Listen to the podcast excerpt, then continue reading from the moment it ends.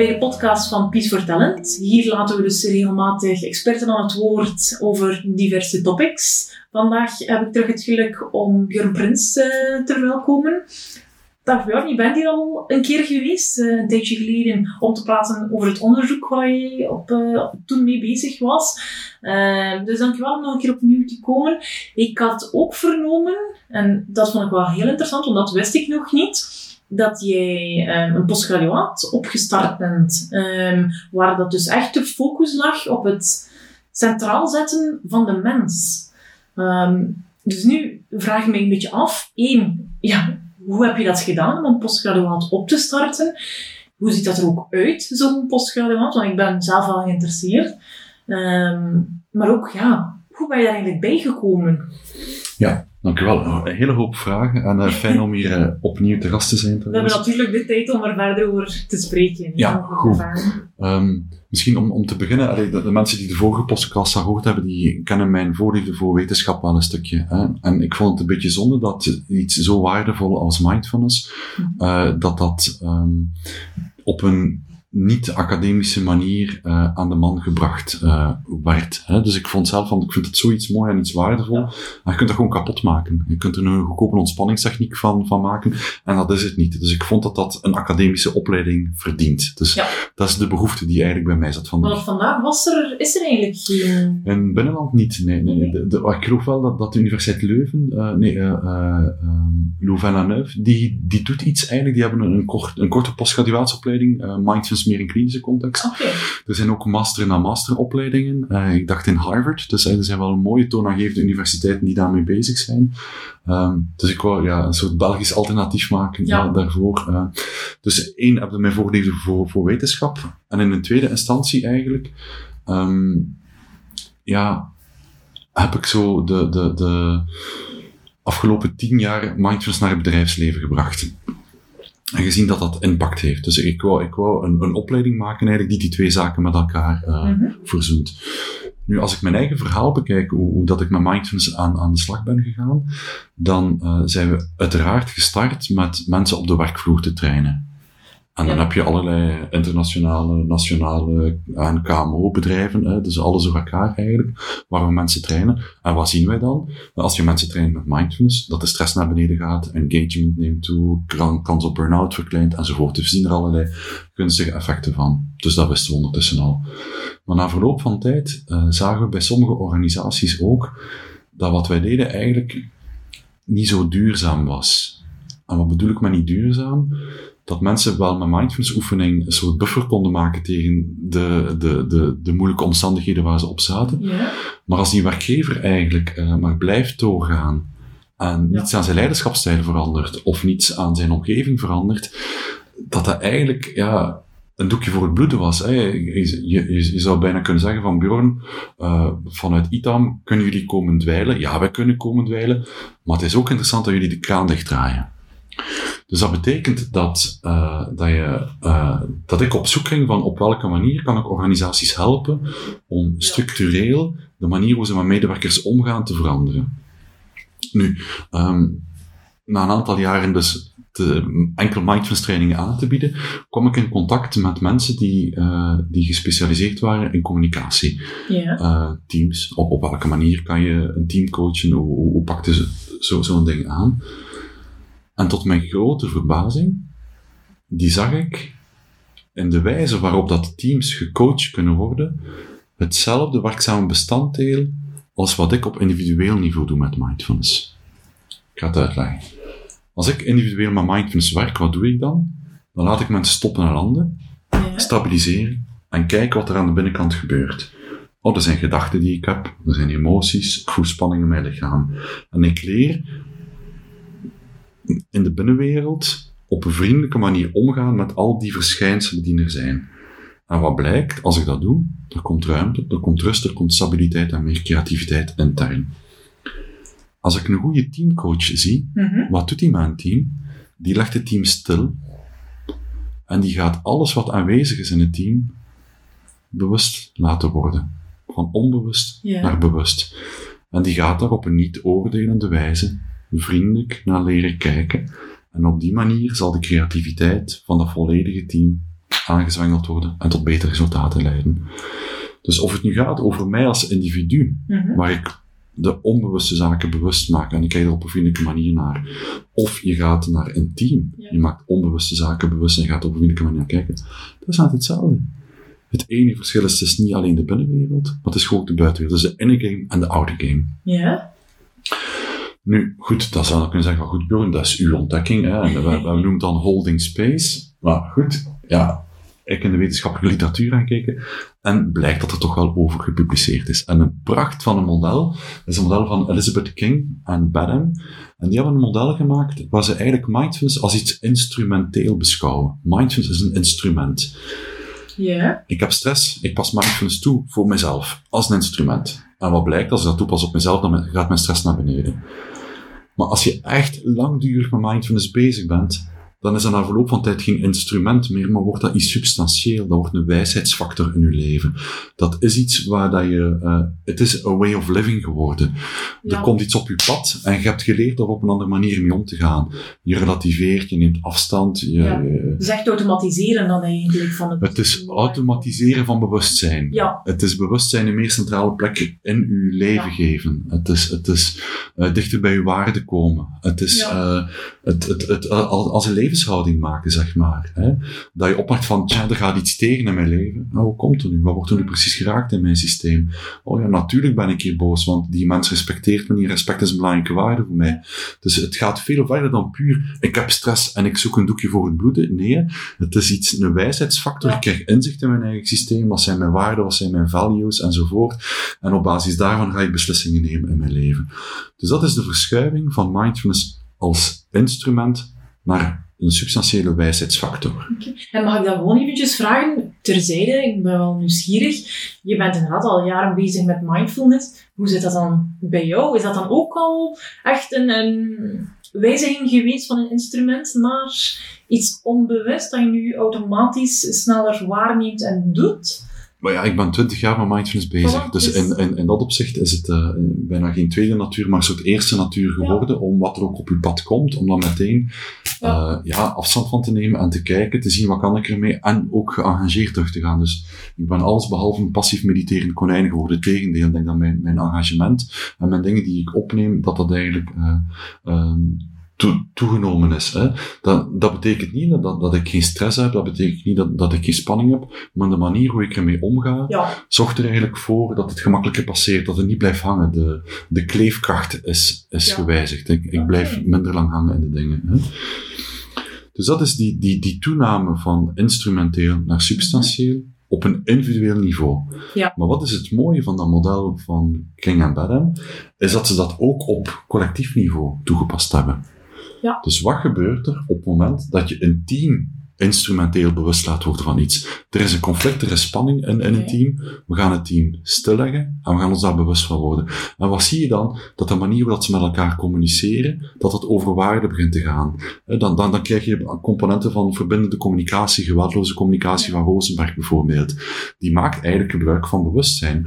Of dan maak je gebruik van wat we vandaag kennen als deep democracy. Deep democracy ziet een team als een ijsberg. Er zijn een aantal zichtbare elementen in het team. En er zijn onder de waterlijn een aantal onzichtbare elementen.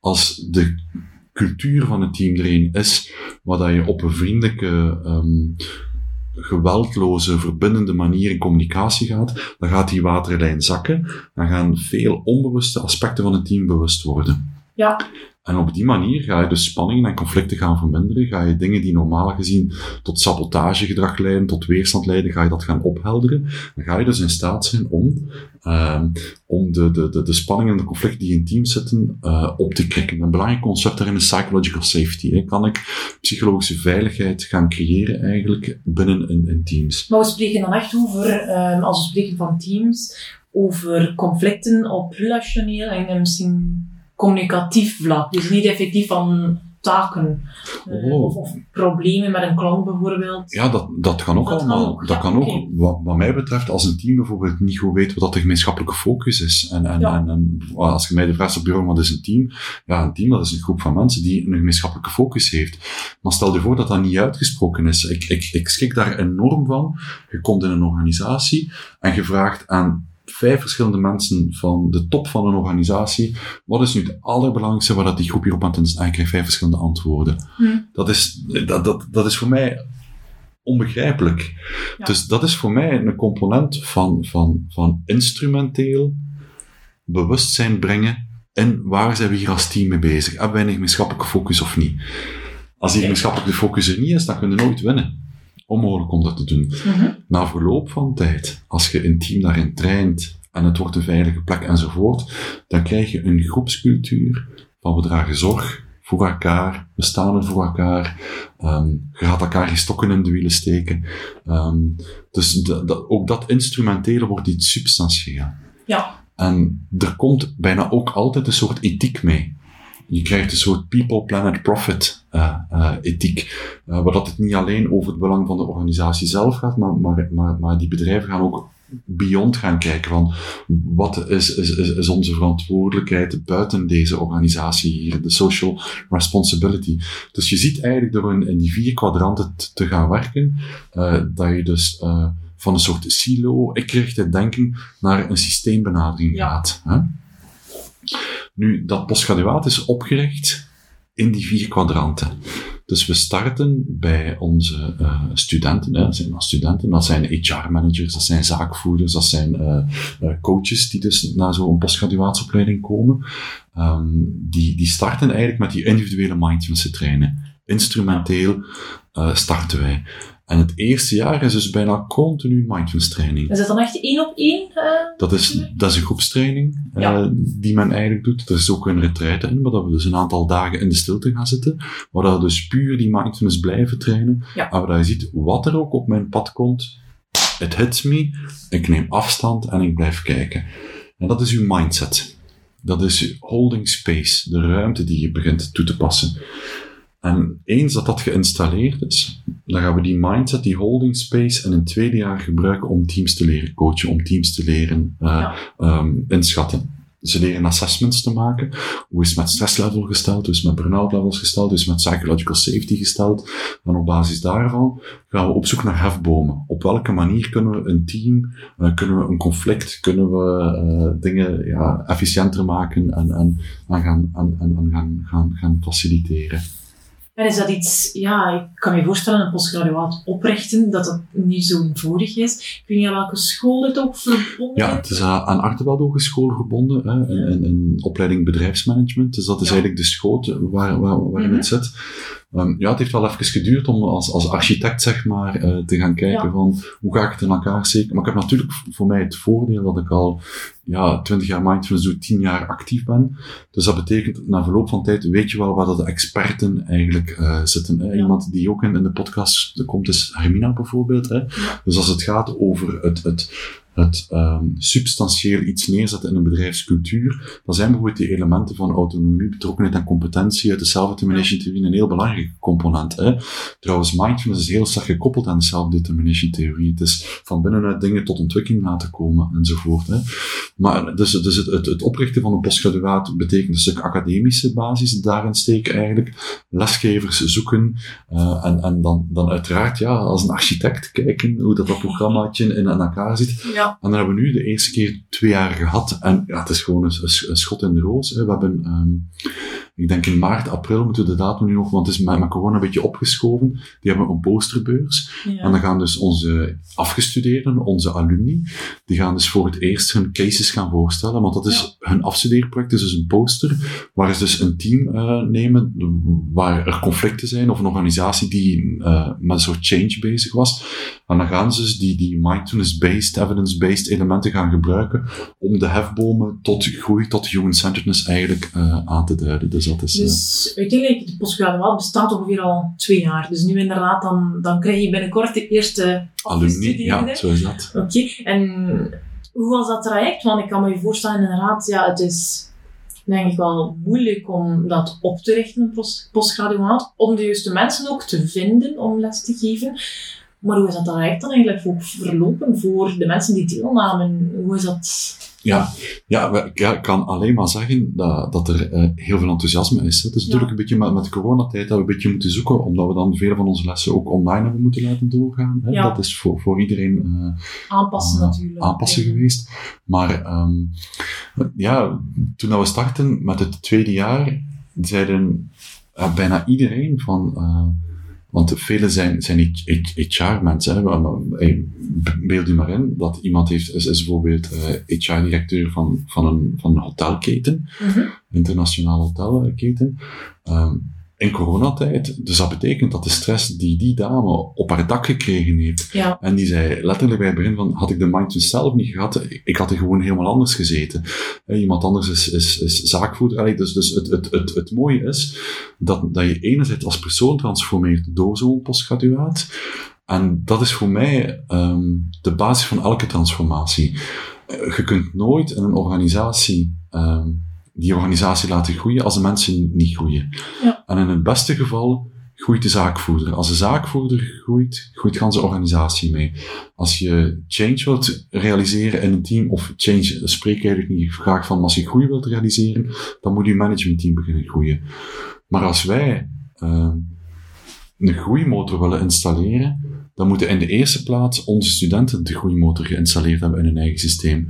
Dan moeten zij zelf in staat geweest zijn om uh, een groeimotor intern mm -hmm. te activeren. En daar is mindfulness een uitstekend instrument in. Want in de plaats van slachtoffer te worden in situaties, komen de dingen binnen. Je neemt afstand, je kijkt, je reflecteert en je beslist wat is de beste, dus de, de beste beslissing. Dus mindfulness is een groeimotor die je individueel installeert. En daar getuigen ze van. Wat dat, wat dat de impact daarvan is. Hoe dat ze zelf groeien als mens. En die groei kunnen ze dan nadien uh, op een authentieke, bevlogen manier um, belichamen. Veel van uh, mindfulness en bewustzijns uh, verruimende technieken hebben te maken met embodiment, het belichamen van iets. Je kunt dat niet zomaar doen. Uh, het, het, het, is niet een set instructies die je gewoon geeft. Hè. Het, het moet belichaamd zijn. Dus ik denk als ik mijn studenten beluister nu, dat dat voor hen de grootste transformatie geweest is. En nu zitten ze wel een beetje met een ander in hun haar, hoor ik zo van velen. Um, omdat um, eens dat je de dynamieken in een team begint te zien, wat er allemaal mogelijk is, dat is gigantisch veel. En ja. dat is ook gigantisch complex. Maar ook hier weer leren zien dat die eenvoud van dat stoppen, dat landen, dat ruimte creëren en dan lenzen of filters voorschuiven, waardoor dat je naar een team kijkt. Uh, want je kunt eigenlijk verdrinken in het aantal coachingmodellen dat er ter, ter beschikking zijn. Hè? Dus dat is een beetje de, de zoektocht met hen van wat zijn de evidence-based modellen. En wij gebruiken een tweedrietal modellen, hè? verbindende communicatie en self-determination theorie. Dat zijn onze belangrijkste kaders die we gebruiken uh, om, om hen te leren kijken. Ik denk dat het ook natuurlijk afhankelijk is van wie ook deelneemt, welke functie dat hij heeft, hoe het bedrijf ook in elkaar zit en effectief welke situatie dat er op de werkvloer aan het spelen is. Want er zijn inderdaad ontzettend veel modellen. Um, en allemaal goede modellen, de ene iets beter dan de andere, maar ook vrij specifiek afhankelijk van wat de vraag is. Ja, um, dus dat is wel goed dat jullie dan ook echt kijken naar een, een case bij de persoon zelf, om dan zo in te zoomen, oké, okay, dit is, um, of, of deze aantal modellen zitten beter voor jou uh, of beter gericht voor uh, toepasbaarheid. Ja, ja. en de schoonheid is, is, voor mij zijn er maar een paar werkzame bestanddelen. Het is van onbewust naar ja. bewust en naar een veilig kader rond creëren. En ik, ik vind eerlijk gezegd, als ik nu kijk naar alle veranderingen die ik ooit al in coaching trajecten heb doorgemaakt, het is nog nooit anders geweest dingen onbewust bewust maken en daar vriendelijk naar kijken. Um, trouwens, Greetje was gastdocent uh, uh, van, uh, ah, okay. omdat er met Peace for Talent een, een, een, programma geweest is eigenlijk, hè, in, in, ja. In Best of Travel. En dat is eigenlijk een example of good practice geweest, waar we enerzijds mindfulness ingezet hebben, waar de structuur een stuk veranderd is, waar, waar, waar, het, waar het team opnieuw gevormd is. Hè. Dus op zich is, is, is dat wel mooi om, om, ja. om, om te zien dat, dat ja, wat in de praktijk gebeurt, en als, als example of good practice kan gehanteerd worden. Maar ik denk dat het ook wel mooi is om, om te zien dat mindfulness niet in de enge manier wordt bekeken, maar echt in de brede manier. Zoals ja. je zelf ook zegt, het is ook gekoppeld aan zelfdeterminatie. Je hebt ook een stuk communicatie. Er zijn verschillende facetten die daar ook ronddraaien. En ik denk dat dat zeker ook de meerwaarde kan zijn voor de opleiding die jij ook aanbiedt, dat het ook allemaal bekeken wordt. Ja, zeker. Ehm, zeker. En dat is een van de meest essentiële zaken toch altijd, vind Hmm. ik. Dat, dat, dat je... eh, dat, dat, dat het vertrekt altijd van bewustzijn. Hè. Eh, er is ook mooi, mooi- mooie dingen gedaan eigenlijk door Otto Scharmer, die spreekt van de Theory U. Eh, je zit in de drukte, in de chaos, je stabiliseert, je focust, je gaat naar beneden, die, die, die U, die gaat Ja. weer helemaal naar beneden. En daar ontstaat er iets. Het emerges. Hè. De, de, er is nieuwe inzichten die zich ontvouwen. eh, creativiteit wordt geboren. En dan ga je weer uit die U eigenlijk, met vernieuwde inzichten, ga je weer de actie in. Dus een keer dat je dat model door hebt, of dat je dan de leercyclus van Kolb gebruikt, hè, actief stilvallen, Ja. reflecteren, conceptualiseren, in actie gaan. Wel, Kolb is eigenlijk hetzelfde als Otto Scharmer. eh, is, is, is hetzelfde als, als ons slow-model, stoppen, landen, observeren, wise action. Dus een keer dat je dat werkzame bestanddelen gezien hebt, er zijn maar een paar werkzame bestanddelen nodig. Dus dat is voor mij de kracht van zo'n postgraduaat en van wetenschap. Die kijkt bij wijze van spreken met een soort röntgenstraal door de, de verpakkingen van, van, van de modellen en gaat naar het hart daarvan. En een keer dat je dat door hebt, eigenlijk, dan, dan kan je beginnen toveren. That's where the magic happens, naar mijn gevoel. Oké.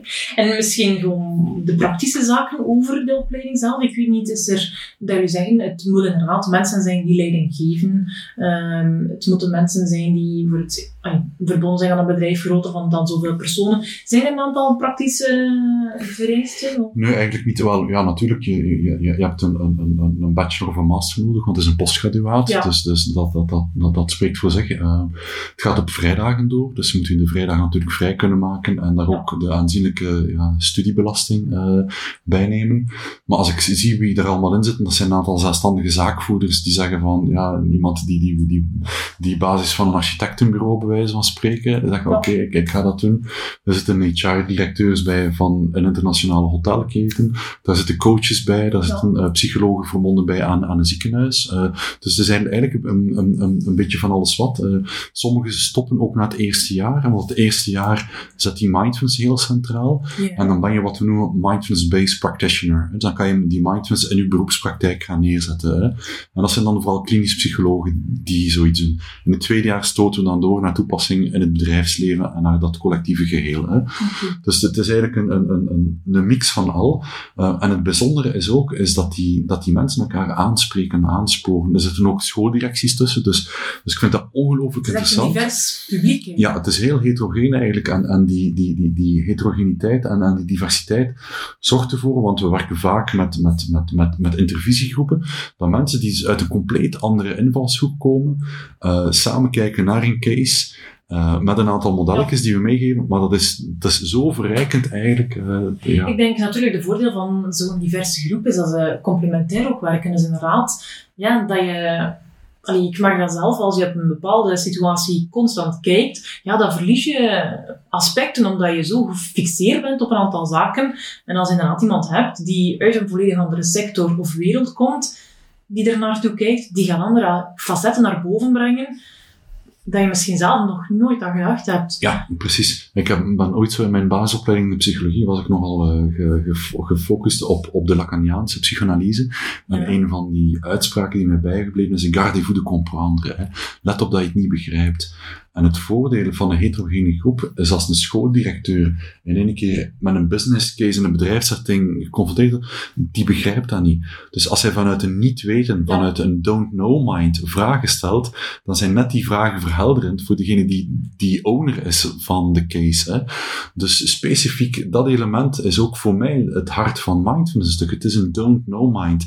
Let op dat je het niet begrijpt. Ga niet in, in, in de platgetreden paden gaan zitten, ja. maar bekijk opnieuw, bekijk van het helder gewaarzijn en daar zijn anderen natuurlijk zeer behulpzaam in. Hè.